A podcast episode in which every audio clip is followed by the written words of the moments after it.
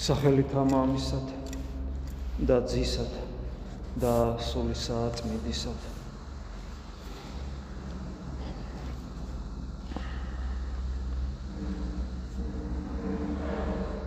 ჩვენი რწმენა ჩვენი ქრისტიანობა ყველაზე დიდ გამოცდას მაშინ გადის, როდესაც ჩვენს თვალწინ წარმოსდგება როგორც პავლე მოციქული ამბობს უკანასკნელი მტერი სამყაროსი სიკვდილი. და როდესაც აა სიკვდილი გვეხება ჩვენს ახლობლებს, ოჯახის წევრებს.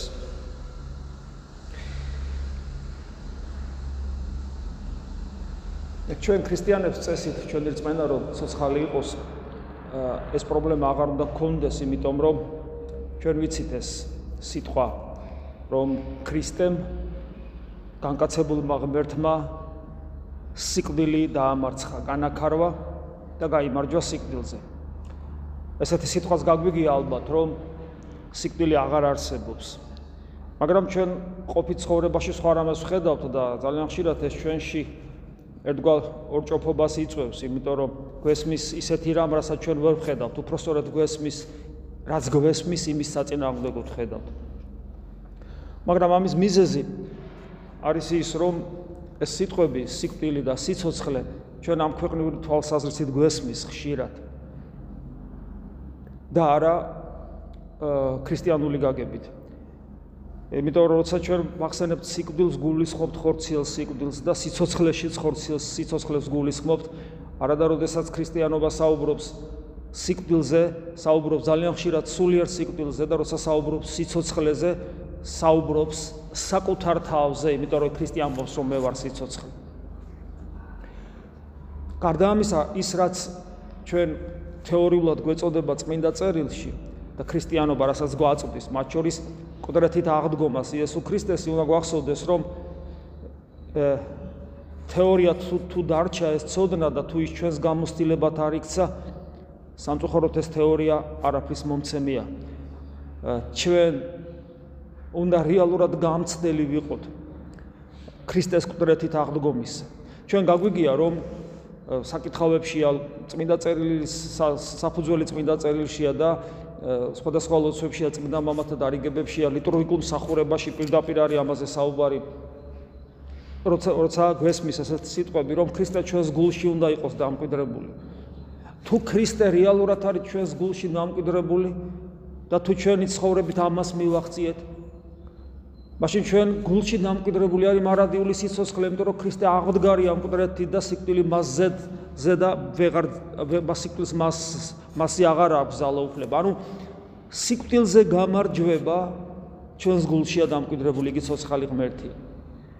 როგორ დამარცხდა სიკვდილი? განკაცებულმა ადამიანად მოსულმა ძეღმერთმა თავის თავში შემოუშვა სიკვდილი თავისი ნებით და ეს ნიშნავს რომ მოკვდა ჯვარზე. აი შემდეგ გაცოცხლებით ანუ აღდგომით თავის თავში შემოსული სიკვდილი მოკლა, იმიტომ რომ სიკვდილი კვდება გაცოცხლებით, ანუ სიცოცხლით. და თავის თავში მოკლა რა სიკვდილი, მოკლა მარადიულად და სიცოცხლემ გამოიმარჯვა მარადიულად.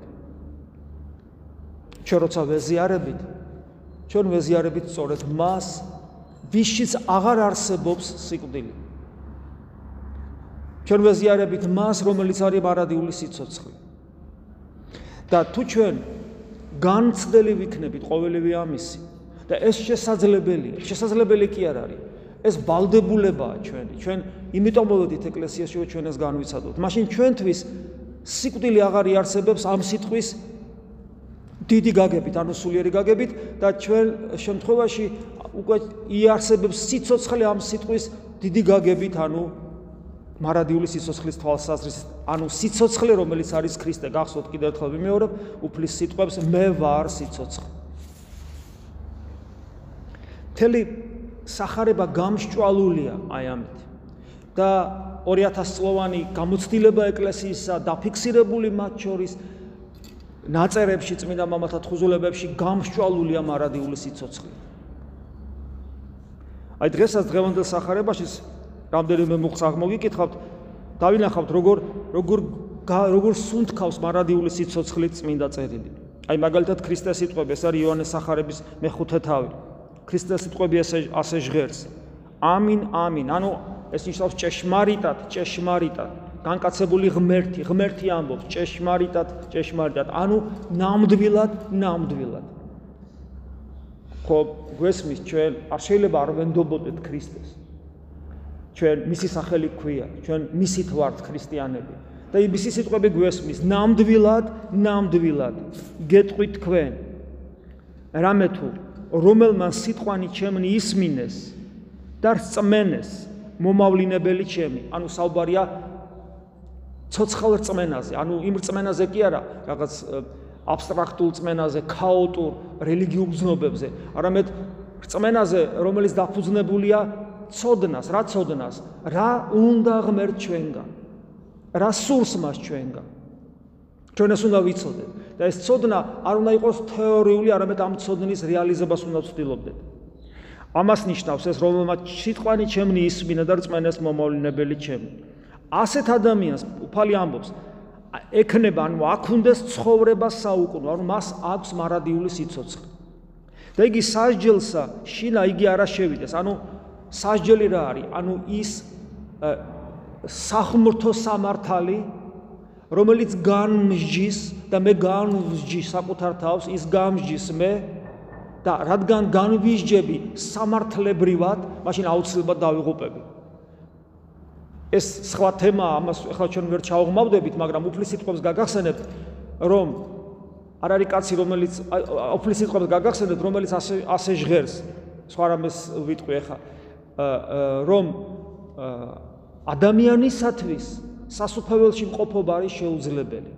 აი ეს შეუძლებლობა ადამიანისა სასופველში ყოფნისა, ანუ ღმერთთან ყოფნის შეუძლებლობა არის ყველა ადამიანის მდგომარეობა. ეს არის დაცემული ბუნების დაზიანებული ბუნების მდგომარეობა. და თუ ჩვენ ამგვარი ადამიანები და ყველა ასეთები ვართ ადამიანიდან მოყოლებული, თუ ჩვენ წარვდგებით სასამართლოს წინაშე, სადაც უნდა განვისაჯოთ, აუცილებლად გამტყუნდებით. ანუ ადამიანს შესაძლებლობა იმისა, რომ გამართლდეს ღვთის წინაშე, საერთოდ არ აქვს. მაგრამ აი ხარ ის სწორედ საოცრება. ის ვინც ქრისტიანი ხდება, ის ვის ქრისტეს მიმდევარი ხდება, ის და არაზნეობრივი მიბაძვით უბრალოდ, რაც პრინციპში შეუძლებელია. არამედ ონტოლოგიურად, არსობრივად დაუკავშირდება ღმერთს, ოსა ღმერთი რეალურად განკაცებული ღმერთი შემოდის ჩვენში და ჩვენ მარტო კი არ ცხოვრობთ, არამედ ცხოვრობთ ქრისტესთან ერთად და შეგვეძლება მომავალში პავლე მოციქულთან ერთად თქვათ, მე კი აღარა ვარ ცოცხალი, ჩემში ცოცხლობს იესო ქრისტე. რა თქმა უნდა, ამას წინ უსწრებს, ვინ განმაშოროს მე სიყვარულსა ქრისტესა პავლე მოციქულის სიტყვები. ანუ როდესაც მე აღარა ვარ მარტო, როდესაც ჩემში ცხოვრობს ქრისტე, მაშინ ასე დროს მიუხედავად იმისა, რომ ჩემი სასופველში მყოფობა არის შეუძლებელი და თუ სასჯელის სამჯავროს წინაშე წარვდგები ეს სამჯავრო მე ვერ გამამართლებს.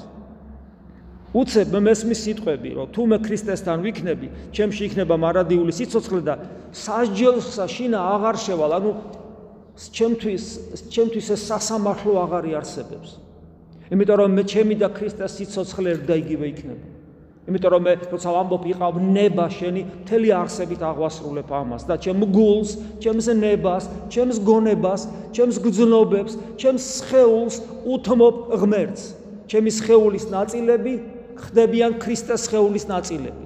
არსი ზიარებისა სწორედ ეს არის. ჩემი ხელი, ჩემი ყური, ჩემი თვალი, ჩემი გული, ჩემი ენა, ჩემი ტვინი, ჩემი გონება, ჩემი ნებელობა, ყველაფერი ხდება ქრისტესი. და ქრისტე მოქმედებს მათით. ამიტომ მე სასჯელს აღარ ვექვემდებარები. და ასეთი ადამიანი აგზელებს იოანე იოანე მოციქულის სახარებაში უფალი უფლის სიტყვებია ეს კი აღარ კი არ განისჯება სამართლებრივად და შესაბამისად დაიჯება, არამედ გარდაიცვალოს იგი სიკვდილისაგან ცხოვრებად. ანუ კი არ მოკვდება და ამ სამყაროში კი არ ჩარჩება, არამედ გარდაიცვლება, გარდაიცვლება საიდან საიდან რისკენ? სიკვდილისაგან ანუ ჩვენ ამ ყოფობას აქ უფალი სიკვდილს უწოდებს ჩვენ სიკვდილში ვართ ეხლა. სიკვდილისაგან სიცოცხლე ცხოვრება სიცოცხლეს ნიშნავს. სიკვდილისაგან სიცოცხლეში. სიცოცხლე ვინ არის იესო ქრისტე. ანუ ცოტა რო თარგმნოთ შეიძლება ასე ითქვას რო ღვთის მორწმუნე ქრისტიანი ადამიანი კი არ მოკვდება ანუ კი არ ჩარჩება ამ სოფელში არამედ გარდაიცვლება სიკვდილისაგან ქრისტეში ამას ნიშნავს ეს სიტყვები და ეს იქნება არა ხვალ, არა ზეკ, არა მაზეკ, არამედ ეს უნდა იყოს ახლავე ამ წამსვე, ამ წუთასვე. მორწმუნეს ასე ესმით. აი ნახეთ ქრისტე როგორ ამბობს ჭეშმარიტ, ამინ ამინ, ანუ ჭეშმარიტად, ჭეშმარიტად, ანუ ნამდვილად, ნამდვილად, ნამდვილად, ნამდვილად გეტყვი თქვენ. რამე თუ მოვალს ჟამი და უცებ ნახეთ რას ამბობს და აწვიარს, ანუ ეს ჟამი უკვე დამდგარია, რა ჟამია ეს? ოდეს მკვდართა ისმინენ სიტყვანი, რომელი მკვდრები? არა ის, ვინც უკვე გარდაცვლილი, არამედ ისინი, ვინც ამ სოფელში ვართ. როგორც ამბობს, გარდაიცვლება სიკვდილისაგან სიცოცხლეში, ჩვენ სიკვდილში ვიმყოფებით. რა სიკვდილში? სულიერში. რატომ? იმიტომ რომ ვერ ხედავთ იესო ქრისტეს. ესე ასე დროს ჩვენ უფალი გვიწოდებს მკვდრებს და მკვდარი ისმენ სიტყვას ძის ძეგმერთის სიტყვას და ვინც ისმენს ის ცხონდება, ანუ რომელთა ისმინენ ცხონდება. ანუ ჩვენ მოწოდებულნი ვართ ვართ რა ვერ მხილველნი ღვთისა ანუ ყდარნი მოწოდებულნი ვართ მოვისმინოთ იესო ქრისტეს სიტყვა და თუ მოვისმენთ ანუ ყურით მოსმენაზე არ არის მხოლოდ აპარაკია გულით მიღებაზეა თავისთავად ცხადია ის იცოცხლებს ანუ ცხონდება გადარჩება და აქ ხას უსვავს ერთ რამეს, რამე თუ ვითარცა იგი მამას აქვს ცხოვრება თავისათვის ის სათანა, ისე ძესაც ამოსცა, რათა აქ უნდა ცხოვრება თავისათვის სათანა. ანუ როგორც მამა ღმერთი არის სიცოცხლის წყარო, ასევე ძე ღმერთია სიცოცხლის წყარო და ეს განსაკუთრებულად მნიშვნელოვანია ჩვენთვის, მაშინ, როდესაც ჩვენ ვეზიარებით და ჩვენში შემოდის მამის თანაარსი სიცოცხლე ჩვენში, ანუ ღმერთის სიცოცხლე შემოდის, როცა ჩვენ იესო ქრისტეს სახელს ვახსენებთ რწმენით, ანუ როცა ლოცულობთ იესოს ლოცვით, მაშინაც სიცოცხლე მარადიული სიცოცხლე შემოდის ჩვენში. აი ეს არის ძალიან მნიშვნელოვანი და კიდევ ერთი ნიუანსი, რომელიც ძალიან საინტერესოა და ხელმწიფება მამამ ძეს მამასა და ძეს ერთი იგივე ძალაუფლება აქვს, მაგრამ ძე რო ადამიანად მოვიდა, რო განკაცნა, თითქოს დააკნინდა, როგორც მე პავლე მოციქული ამბობს, თითქოს ანგელოზებს უფრო მეტად დააკნინდა, იმიტომ რომ ადამიანური ბუნება მიიღო, თან შეურაცხყოფა მივაყენა ჩვენ, შეურაცხყოფა დაითმინა მოუკალით, თითქოს დააკნინებულია და უცებ ესეთი რამე ამბობს, რომ ხელმწიფება, ანუ ძალაუფლება მისცა მას, ანუ იესო ქრისტეს სასჯელისაცა ყოფად, რამე თუ ძე კაცისა არს და ნუ გიკვირნესე. აქ არის კიდევ ერთი ძალიან საინტერესო რამ, რაც ჩვენ იმედის, ჩვენთვის იმედის მომცემია. რადგან ძეღმერთი თანარსი მამისა ძეკაცისა არის, ანუ ადამიანური ბუნება მიიღო. შესაბამისად, მან განიცადა რა ჩვენი ტკივილები და თავისი გამოცდილებით იცის, როგორ უჭირს ადამიანს ამ სოფელში. სასამართლო ძალაუფლება, ერთგვარი სასამართლო ძალაუფლება მამამ გადასაძეს. ნახე როგორ ამბობს სასჯელი ხელმწიფება მისცა სასჯელის, ანუ განჯის ძალაუფლება მისცა მას. ნუ გიკვირნესე, იმიტომ რომ ის არის არა მარტო ღმერთი, არამედ ადამიანიც. რადგან ადამიანია, რადგან მან ჩვენი ტკივილები და სნეულებანი იტვირთა, როგორც ჯერ კიდე ესაია წინასწარმეტყველი ამბობდა. ამიტომ მას ჩვენი ტკივილები ჩვენ მას უყარვართ ჩვენსავე ტკივილებში, იმიტომ რომ ტკივილები მან განიცადა და ამიტომ პირველსავე შემთხვევის დროს, როცა იგი ერთგვარ ერთგვარ სასამართლო ძალაუფლებას ავლენ სიტყვაში ჯვარზე მყოფი მიუტევებს ყველაზე იმ პერიოდში ყველაზე დიდ ბოროტმოქმედებს მის საკუთარ მკვლელებს და ამბობს მიუტევე მამაო რამე თუ არისიან რასაკეთებელი აი ეს სიტყვები უფლისა რომ ყოველი სასჯელი, ანუ გამართლების სასამართლო ძალაუფლება მისცა მამამ ძეს, იმიტომ რომ ძე გახდა ადამიანიც, ეს არის ჩვენი დიდი იმედის მომცემი, იმიტომ რომ როგორიც არ უნდა დამნაშავე ვიყოთ ღვთის წინაშე, თუ ჩვენ იესო ქრისტე წამს და თუ ჩვენ ჩვენ თავს ვაცნობიერებთ მისად, რომ მისნი ვართ, ქრისტესნი ვართ, ცოდვილნი, მაგრამ ქრისტესნი მის წინაშე როცა წარვდგებით, ჩვენ დიდი იმედი გვაქვს, რომ იგი შეგვიწყნარებს და შეგვიწყალებს, იმიტომ რომ მან იცის ჩვენი ტკივილები და უძლურებანი. და აი დღეს ჩვენ